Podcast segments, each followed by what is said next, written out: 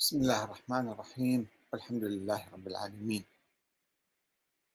والصلاة والسلام على محمد وآله الطيبين. والسلام عليكم أيها الأخوة الكرام ورحمة الله وبركاته. الخليفة عمر بن الخطاب رضي الله عنه يسأل يسأل الصحابة يقول له من أنا؟ هل أنا خليفة أم ملك؟ والصحابة يجيبوه وعلى رأسهم سلمان الفارسي. يقول له علامة الخلافة جباية المال وتوزيع المال بعدالة. فإذا كنت تجبي المال بعدالة وتوزعه بعدالة فأنت خليفة. وإذا كنت لا تجبي المال بصورة ظالمة وتوزعه على أقربائك وأصدقائك وأهلك مثلا وعشيرتك وطائفتك فأنت ملك ولست بخليفة. نبحث هذا الموضوع لأنه مهم جدا في العلاقة بين آه، الحاكم والمحكومين ولكي نرى أن آه، الحاكم لم يكن يعني يتسيد على الناس ويسيطر ويستبد عندما كان الصحابة المواطنون شجعانا وأحرارا وأمناء ينصحون الحاكم ويراقبونه وينتقدونه. هكذا كانت الحالة السياسية طبيعية وراقية في ذلك المجتمع. الخلفاء لم يكونوا وحدهم هم صاروا خلفاء إنما بأصحابهم. أصبحوا هكذا قدوات آه، بارزة ومتلألئة في سماء التاريخ. لما كانت السلطة في عهد الخلفاء الراشدين نابعة من الأمة ما جاي الحاكم مسيطر بالقوة والإرهاب والإكراه. وكان الخلفاء نوابا للأمة ووكلاء عنها في إدارة شؤون الدولة. فقد كان هؤلاء الخلفاء يعني يعتبرون أنفسهم أمناء على الأمة ومصالحها وينظرون إلى المال العام باعتباره مال المسلمين وليس مالا خاصا للحاكم يتصرف به كيف يشاء. فيحرصون على جمعه بحق وتوزيعه بعدالة. وذلك تنفيذا لقول الله تعالى إن الله يأمركم أن تؤدوا الأمانات إلى أهلها. وإذا حكمتم بين الناس أن تحكموا بالعدل. النساء 58 والتزاما بقول النبي صلى الله عليه وآله وسلم إني والله لا أعطي أحدا ولا أمنع أحدا وإنما أنا قاسم أضع حيث أمرت حسب الحاجة يعني. وعندما تولى أبو بكر رضي الله عنه السلطة جمع وجوه الصحابة وقال لهم ما ترون لي من هذا المال؟ فقال عمر أنا والله أخبرك ما لك منه. أما أما ما كان لك من ولد قد بان عنك وملك أمره يعني صار راشد كبير. فسهمه كرجل من المسلمين. وأما من كان من عيالك وضعفة أهلك فتقوت منه بالمعروف وتقوت أهلك. فقال يا عمر إني لأخشى أن لا يحل لي أن أطعم عيالي من فيء المسلمين. فقال عمر يا خليفة رسول الله إنك قد شغلت بهذا الأمر أو قد شغلت بهذا الأمر عن أن تكتسب لعيالك. أنت كنت تاجر سابقا وتكتسب لعيالك. أما الآن فأنت مشغول بهذا المنصب فإذا يجب أن تقتات منه أيضا. ومع ذلك فإن أبا بكر ظل متحرجا من الراتب الذي يأخذه من مال المسلمين فقال عند وفاته انظروا ماذا أنفقت من بيت المال. فنظروا فإذا هو ثمانية آلاف درهم سنتين ما أخذت 8000 درهم. فأوصى أهله أن يؤدوها إلى الخليفة بعده. وقد التزم أبو بكر بتوزيع المال على المسلمين بالسوية كأسنان المشط دون تفضيل أحد على أحد سواء كان من أهل البيت نساء النبي وغيرهم أو من المهاجرين والأنصار أو من سائر العرب والمسلمين. وقد قسم أبو بكر قسما فسوى فيه بين الناس. فقال له عمر تسوي بين أصحاب بدر وسواهم من الناس؟ اعترض عليه يعني. فقال أبو بكر إنما الدنيا بلاغ واحد يريد يأكل ويشرب يعني فيها وخير البلاغ أوسعه وإنما فضلهم في أجورهم. أجرهم عند الله. إحنا شو خصنا فيهم؟ يكون من أصحاب بدر ولا مو أصحاب بدر؟ وكان عمر ينظر إلى المال العام كنظرة سلفه أبي بكر على أنه مال الله ومال الناس مو مال الشخص له ولم يكن يأخذ لنفسه إلا كسائر المسلمين. ولذلك كتب إلى خازنه حذيفة أن اعطي الناس أعطيتهم وأرزاقهم. فكتب إليه إنا قد فعلنا وبقي شيء كثير. فكتب إليه عمر إنه فيئهم الذي أفاء الله عليهم. ليس هو لعمر ولا لآل عمر. أقسموا بينهم. وأعلن أنه لا يحل لعمر من مال الله إلا حلتين. الحلة يعني إزار ومئزر يعني شيء يحط على كتفه وصلة وشيء يشد بيها وسطه. هاي يسموه حلة. حلة للشتاء وحلة للصيف فقط. بدلتين يعني عنده. وما أحج به وأعتمر. وقوتي وقوت أهلي كرجل من قريش ليس بأغناهم ولا بأفقرهم. ثم أنا بعد رجل من المسلمين أنا رجال عادي يعني. وقال عمر إني أنزلت نفسي من مال الله منزلة والي اليتيم من ماله. إن أيسرت استعففت إذا أنا عندي فلوس ما أخذ من مال اليتيم. وإن افتقرت أكلت بالمعروف يعني حسب الحاجة. فإن أيسرت مرة ثانية صار عندي أموال قضيت أقضي هذا المال. نفس الشيء أطبق القانون على المسلمين. يعني أنا آخذ راتب وبعدين إذا أنا صار عندي فلوس أعطيهم إياه مرة ثانية. وكان عمر إذا احتاج أتى صاحب بيت المال فاستقرضه يقول له اقرضني. مو يشيل ينهب ويروح. فربما اعسر ما قدر يوفيه على الوقت المحدد. فياتيه صاحب بيت المال يتقاضاه فيلزمه يقول له وين الفلوس جيبهن فيحتاج له عمر يعني يدبر له يحاول يعني يعطيه فلوس. وربما خرج عطاؤه فقضاه. لما يجي الشهر القادم فيعطيه القرض الماخذه وقال رجل لعمر بن الخطاب يا أمير المؤمنين لو وسعت على نفسك في النفقة من مال الله تعالى؟ فقال له عمر أتدري ما مثلي ومثل هؤلاء؟ كمثل قوم كانوا في سفر فجمعوا منهم مالا فسلموه إلى واحد منهم ينفقه عليهم. فهل يحل لذلك الرجل أن يستأثر عنهم من أموالهم؟ شلون قاعد تنصحنا النصيحة هذه؟ وقدم عليه صهر له. فطلب أن يعطيه من بيت المال. فانتهره عمر. وقال أردت أن ألقى الله ملكا خائنا ثم أعطاه من ماله. وقال عمر لابنه لما ضرب يا عبد الله انظر ما علي من الدين.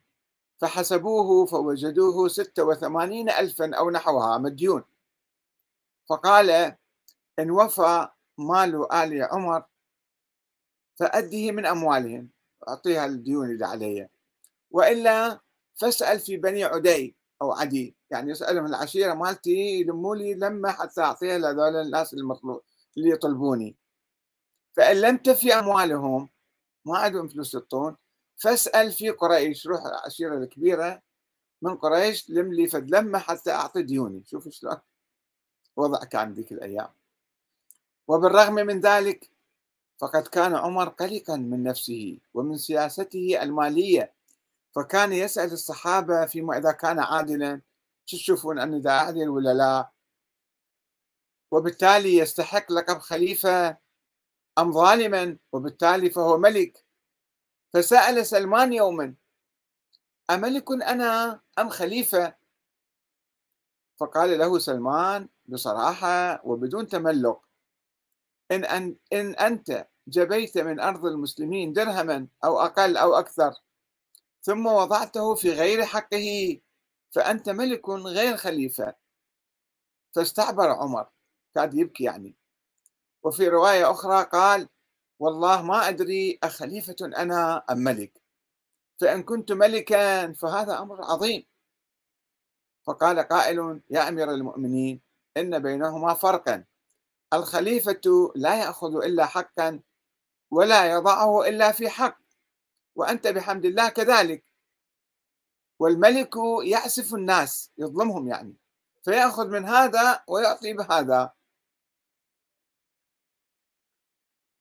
وصعد عمر المنبر ذات مرة وهو يرتدي حلة أي ثوبين يعني وزرة أو على إزار على على كتفه يعني. مما كان قد أعطى المسلمين منه ثوبا ثوبا وكان موزع على الناس كل واحد ثوب ثوب. هو لابس ثوبين. فقال أيها الناس ألا تسمعون؟ ليخطب عليهم.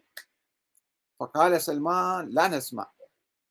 لأنك قسمت علينا ثوبا وعليك حلة لابس أنت اثنين وأعطيتنا كل واحد واحد وحدة وحدة. قال لا تعجل. شوفوا سلمان أيضا يعني مو من قريش ولا من العرب واحد أجنبي باعتبار مصطلحات هذه الأيام وجالس معاه وهو يحتاج عليه ويعترض عليه ويقول ما نسمع كلامك. قال لا تعجل يا أبا عبد الله. ثم نادى على عبد الله بن عمر صح على ابنه. فقال نشدتك بالله. الثوب الذي اتزرت به هو ثوبك؟ هذا ثوبك ولا لا؟ قال اللهم نعم. فقال سلمان الآن فقل نسمع. أي الآن حلينا المشكلة وهذا ما يدل على هيمنة الأمة على الخليفة الحاكم ومراقبته في أدق المسائل المالية حتى أن الصحابة رفضوا أن يسمعوا إلى عمر وكادوا يتمردون عليه لمجرد شك في ثوب إضافي ارتداه دون أن يعرفوا مصدره.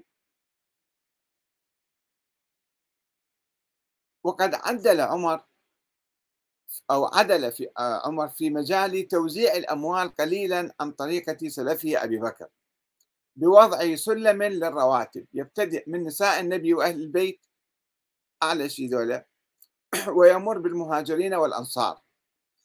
سوى درجات يعني. ثم العرب وينتهي بالموالي.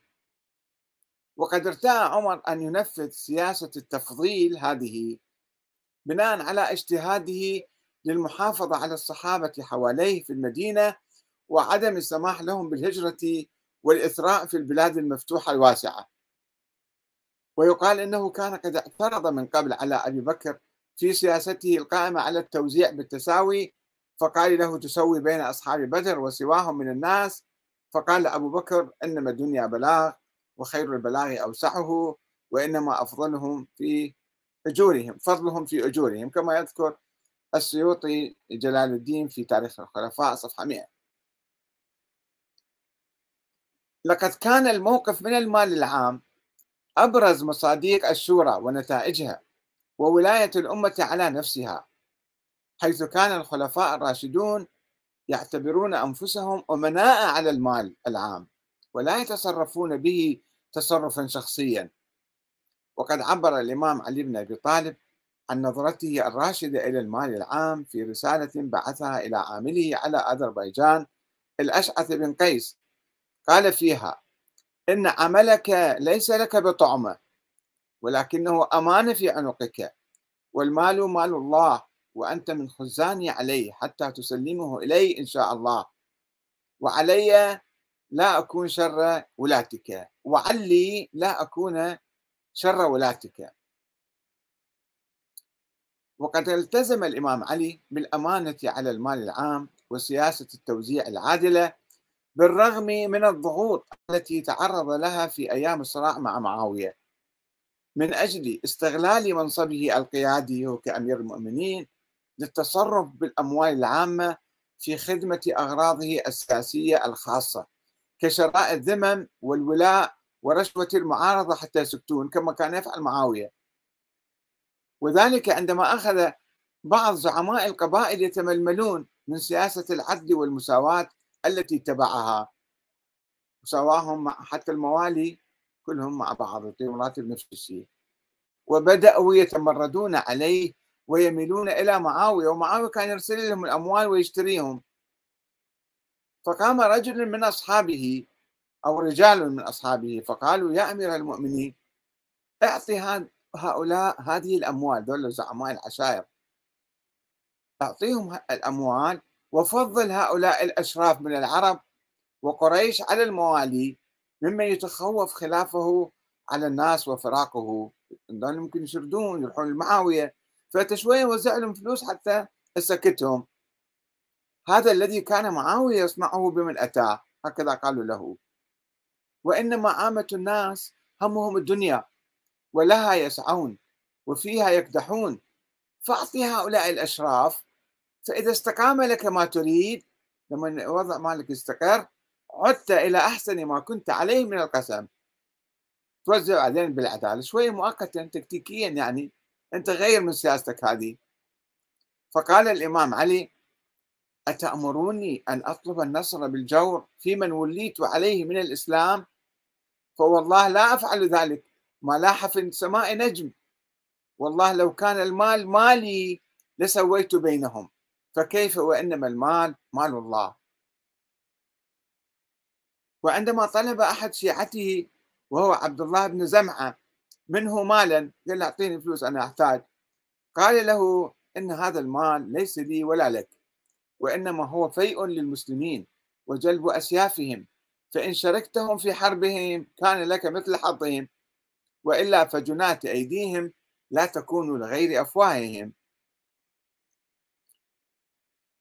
وسأله ذات مرة أخوه عقيل ابن أبي طالب فقال إني محتاج وإني فقير فأعطني.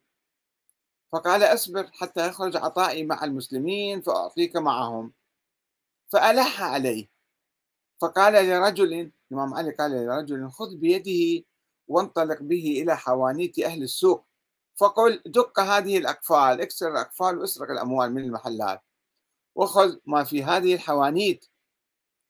قال عقيل تريد أن تتخذني سارقا؟ قال وأنت تريد أن تتخذني سارقا؟ أنا أسرق من بيت المال أعطيك إليك نفس الشيء يعني هذا. أنا آخذ أموال المسلمين فأعطيكها دونهم.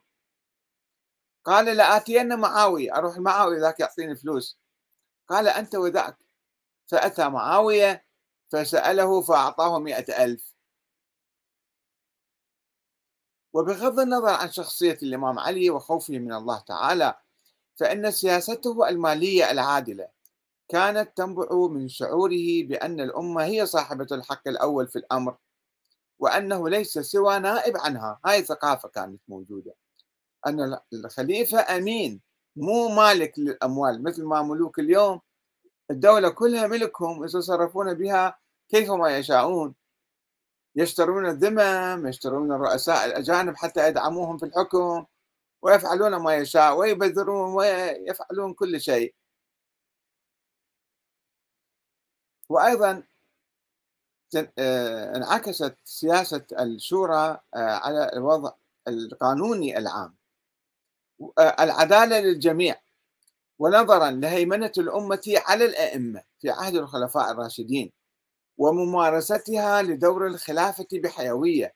الأمة كانت خليفة قبل أن يكون شخص الخليفة خليفة. الأمة كانت تشعر هي تؤدي مهمة وواجب الخلافة في الأرض. فهي كانت تراقب وتنظر وتحاسب وتعمل فممارستها لدور الخلافة بحيوية. فقد كانت الأمة تنعم بالعدل والمساواة بصورة عامة ولم يكن القوي يأكل الضعيف أو تقام الحدود على الضعفاء فقط بينما تسقط عن الأقوياء.